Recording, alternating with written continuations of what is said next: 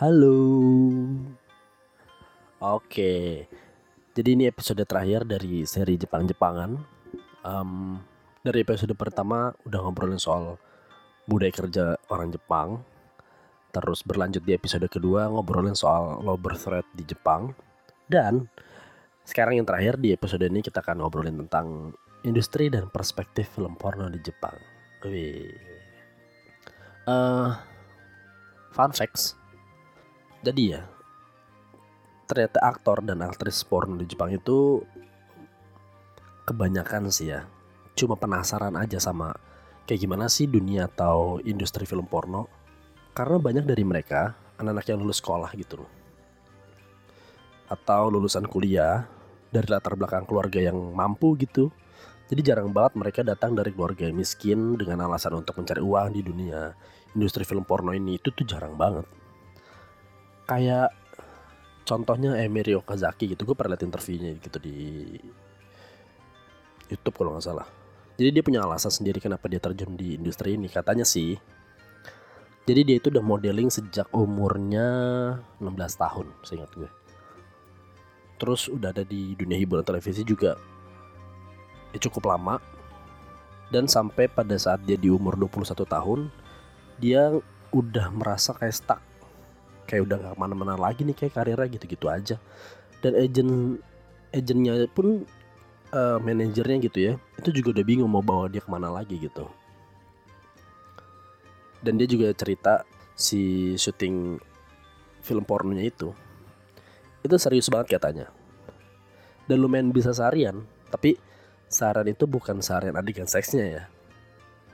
Tapi juga kayak meetingin konsep make up cari kostum uh, terus ice breaking antar pameran filmnya dan lain-lain gitu deh kemudian seberapa seringnya syuting itu tergantung kata dia tergantung seberapa terkenal aktris dan aktornya tapi rata-rata bisa kayak Eh, uh, 28 kali syuting dalam sebulan. Jadi praktis uh, mereka cuma dapat dua hari libur doang.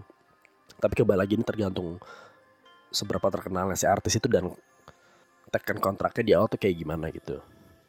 Dia juga cerita, ini menarik buat gue. Jadi dia cerita perasaan yang dia rasain setelah syuting.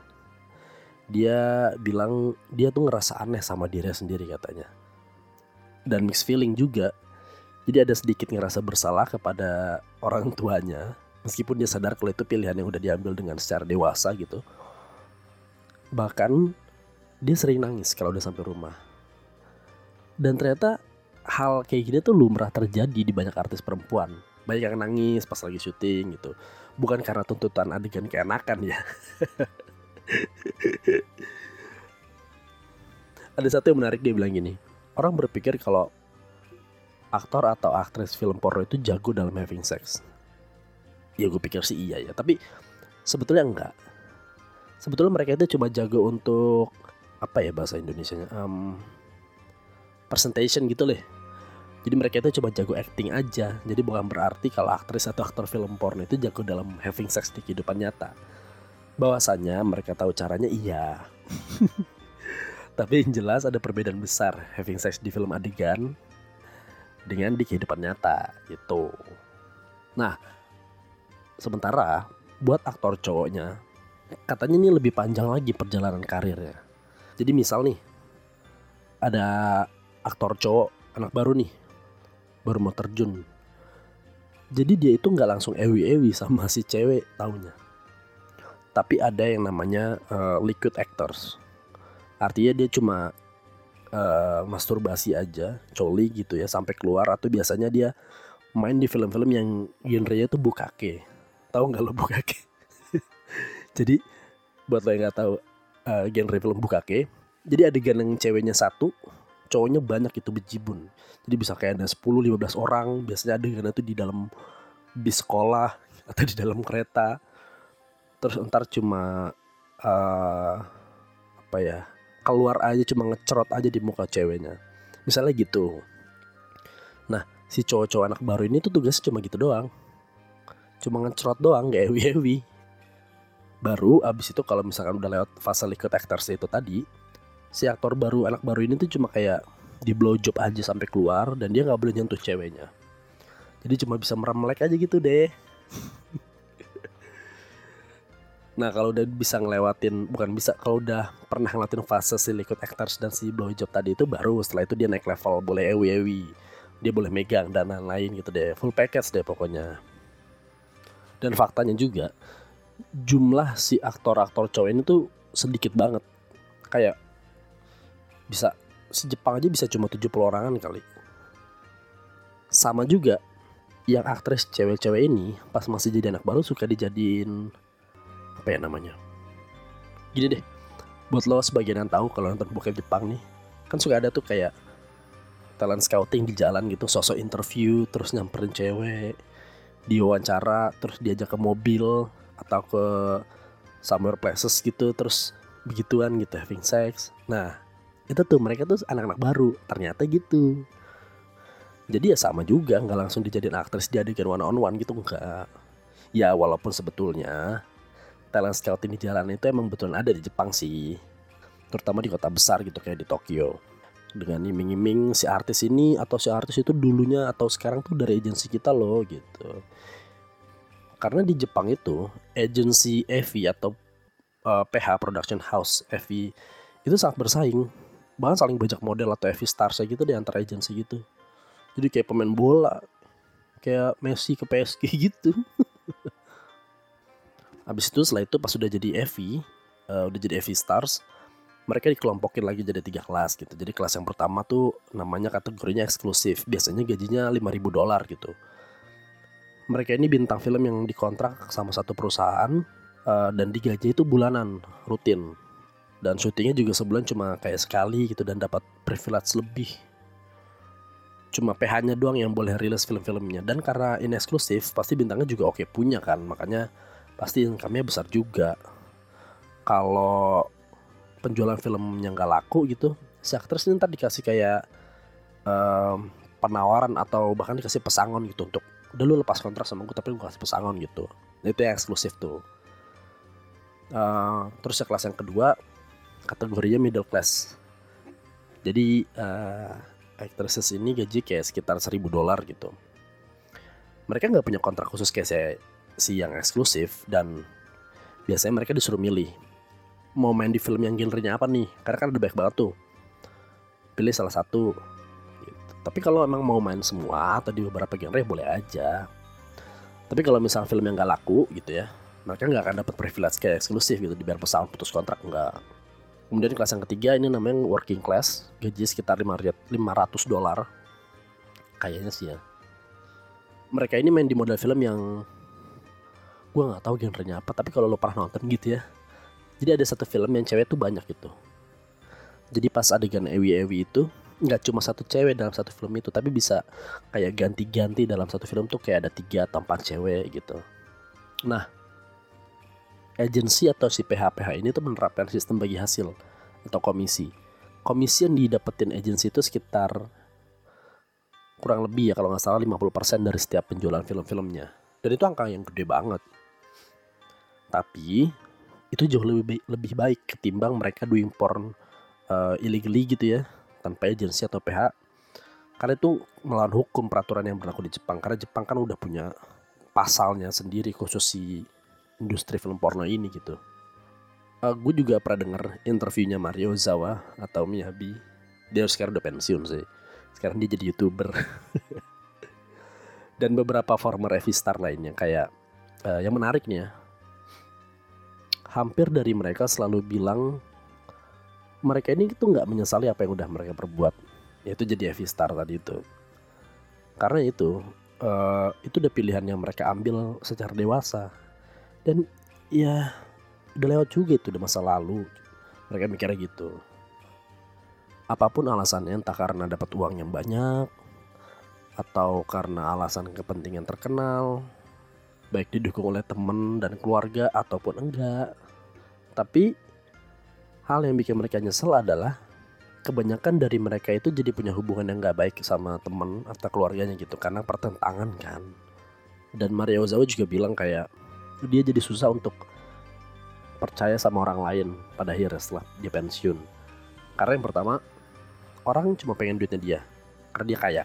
Kedua dalam relationship konteks gitu ya orang cuma pengen having sex sama dia karena orang-orang ini tahu kalau si Mario Ozawa ini dulu pemain bokep gitu dia dipikirnya pasti jago pasti enak bla bla bla yang mana menurut gue benar dan uh, dia sadar uh, kalau itu tuh konsekuensi yang mesti dia terima gitu bahwa jadi susah untuk percaya sama orang yang betul-betul tulus pengen jadi temennya atau jadi pasangannya. Dan ini juga banyak dirasakan oleh former Heavy Star lainnya juga. Dan selama ini kan kita pikir film porno itu didominasi oleh penikmat laki-laki doang. Walaupun itu nggak bener ya karena cewek juga banyak gitu yang suka nonton film porno. Tapi yang banyak orang nggak tahu di Jepang itu ada agensi atau PH yang khusus buat film porno untuk market dan selera perempuan gitu loh. Tujuannya untuk bikin uh, perempuan jadi lebih terangsang pas nonton film itu. Karena faktanya banyak cewek-cewek di Jepang yang nggak begitu suka nonton film porno yang banyak di pasarnya tuh gue juga agak sulit sih ngebedainnya tapi pada intinya anggapan di Jepang sana kalau film porno yang bisa ditonton itu lebih banyak untuk memenuhi hasrat laki-laki aja. Karena kan kebaikan ceritanya atau adegannya gitu agresif banget ya kan dan lebih kayak kerepis gitu lah. Nah perempuan itu tuh nggak suka gitu. atau mereka selera atau cara yang mereka suka itu yang lebih soft, uh, gently. Uh, maksudnya gently itu lebih lembut gitu loh ngetrit ceweknya. Dan para aktor cowok yang ada di kategori ini tuh jauh lebih cakep-cakep makanya disebutnya eromen bahasa Jepang itu eromen artinya cowok ganteng erotis gitu deh kurang lebih. Pokoknya kayak kehidupan seks sungguhan di kehidupan nyata gitu. Jadi poinnya film bokep buat cowok itu lebih untuk ke pleasure aja. Tapi kalau film bokep buat yang cewek ini lebih menonjolkan romansa percintaannya gitu loh. Mereka mau lihat adegan yang bikin mereka ngerasa kalau kalau mereka tuh lagi dicintai oleh seseorang. Sedap. Jadi gini deh uh, gue kasih analogi misalnya gini deh lu punya cak lu punya cewek nih punya pacar gitu ya terus dia ngekos gitu sendirian. Uh, terus dia bilang yang kosan aku dong aku sendirian nih gitu. Jadi lu terus tiba-tiba buru-buru pengen ke kosan dia tapi lu pengen ke kosan dia ketemu dia tuh hanya cuma pengen ewi-ewi aja gitu. Bukan benar-benar sincere atau tulus pengen ketemu ceweknya gitu loh. Jadi cuma pengen having sex aja nah cewek-cewek ini menganggap kalau film porno di Jepang tuh kayak gitu mayoritas. Sementara kalau misalkan lo main atau datang ke kosan cewek lo baik dia sendirian maupun enggak sendirian ya lu datang aja gitu. Karena lu emang benar-benar tulus sincere gitu lu pengen ketemu dia. Bukan sekedar cuma pengen having sex. Nah itu tuh analogi yang cewek-cewek di Jepang tuh mau kayak gitu. Jadi tuh mereka merasa merasa dicintai, merasa dikangenin gitu sama cowok. Kurang lebih gitulah namanya. Uh, jenis film bokep yang kayak gini tuh mereka nyebutnya silk labo, silk silk labos, gue nggak tahu cara bacanya. Pokoknya gitu deh, silk labo. Dan yang bikin beda, ketika mereka shoot adegan seksnya ternyata mereka itu nggak bener-bener pakai alat kelamin beneran ternyata jadi mereka tuh bikin kayak mockup vagina, bikin mockup penis. Lalu biar nggak kelihatan bohongannya, cara ngakalinnya tuh pakai teknik ya pakai teknik angle kamera aja sih gampangnya. Kalau film bokep yang biasa kita tonton kan beneran alat kelamin gitu ya, cuma disensor doang. Nah terus pertanyaannya kenapa disensor kan? Jadi peraturan di dalam pemerintah Jepang itu ada pasal 175 kalau nggak salah bunyinya barang siapa yang menjual atau mendistribusikan hal-hal cabul itu akan didenda atau dipenjara. Dan alat kelamin itu diartikan sebagai sesuatu yang cabul gitu, makanya mesti diburamkan. Dan ukuran pixelatnya itu sebetulnya udah ada aturannya. Tapi ya PH maunya pixelnya itu kecil gitu kan, tapi lama-lama ada ada juga orang yang ditanggepin gitu karena berusaha gak ngikutin aturan, jadi digede-gedein, eh, eh, dikecil-kecilin gitu. Jadi intinya peraturan pemerintah tuh mesti gede pixelatnya biar nggak kelihatan apa-apa juga. Makanya di Jepang itu ya ada sebuah organisasi atau sebuah lembaga gitu.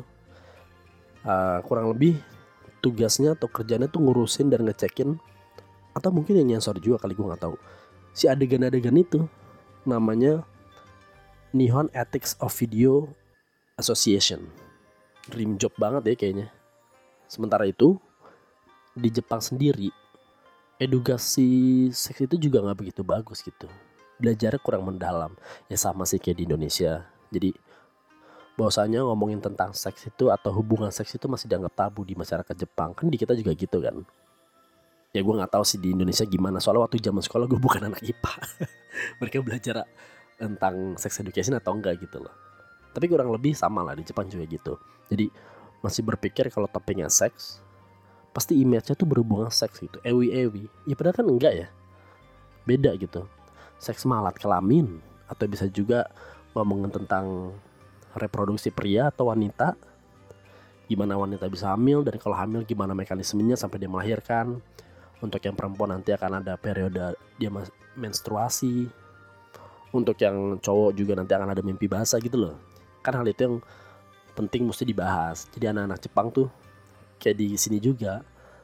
Jadi mereka tahu nih ibunya tuh lagi hamil atau bisa hamil gitu cuma nggak tahu gimana proses bisa hamil itu itu kan aneh ya. Jadi bukan ngomongin kalau ewi ewi pakai gaya apa enaknya gaya apa pakai kondom yang rasa apa gitu. Ya walaupun kondom cukup penting dibahas tapi nggak penting bahas rasanya apa. Ya dengan begitu kejadian deh banyak aborsi. Angka, angka aborsi aja di Indonesia tinggi. Ya di Jepang juga tinggi Terus hal lain juga yang mengganggu kehidupan Evi Star setelah pensiun biasanya nih. Pas mulai punya hubungan baru sama orang baru atau having sex sama pasangan barunya. Karena pertama karena mereka kan pensiunan artis porno gitu. Jadi udah tahu gitu segala, segala macam seluk beluk dunia perewian ya kan. Kedua pasangan barunya kan tahu si cewek ini tuh mantan artis porno gitu. Yang pastinya mereka punya apa ya um, ekspektasi yang besar gitu kalau Ewi Ewi sama nih orang gitu. Lagian malas juga kali kalau ada orang yang punya ekspektasi ke kita kan dalam hal apa pun gitu sebetulnya. Jadi beban di kita gitu loh. Di sisi lain si pensiunan Evi ini tuh jadi overthinking. Ngerti gak? Kayak misal gini. Ketika mereka mau having sex gitu sama pasangan barunya ya. Mereka jadi overthinking kayak ini foreplay atau enggak. Mau gue BJ atau enggak. Siapa yang mau BJ duluan. Siapa yang mau bukain bajunya gua atau dia bisa sendiri? Pas ewi ewi gayanya kayak gimana? Kapan ganti gayanya? Dia suka nggak apa gayanya? Kan gitu gitu tuh. Itu tuh jadi overthinking buat mereka. Lucu banget sih. Jadi kebanyakan pikiran akhirnya jadi banyak dari mereka yang jadi kepengen kayak orang biasa aja gitu sebelum mereka pernah jadi Evi Stars. Karena pengennya udah deh. Ngelakuin aja kayak orang polos gitu yang nggak tahu apa-apa itu lebih baik gitu. Karena film porno itu cuma sekedar entertainment belaka aja, bukan hubungan seks yang sesungguhnya. Jadi jangan dibawa ke, ke kehidupan nyata gitu. Ya kalau lu dapet pasangan yang mau atau bisa diajak eksperimen atau akrobatik kayak di film porno sih oke. Okay. Tapi kalau enggak ya jangan dipaksa kali. Ewi-ewi lah dengan tulus gitu, dengan happy, enjoy it, be gentle with your partner gitu. Dan balik lagi, biarpun otaknya pada ngeres Japan is still being Japan. Mereka jauh lebih maju dibandingkan dengan kita orang Indonesia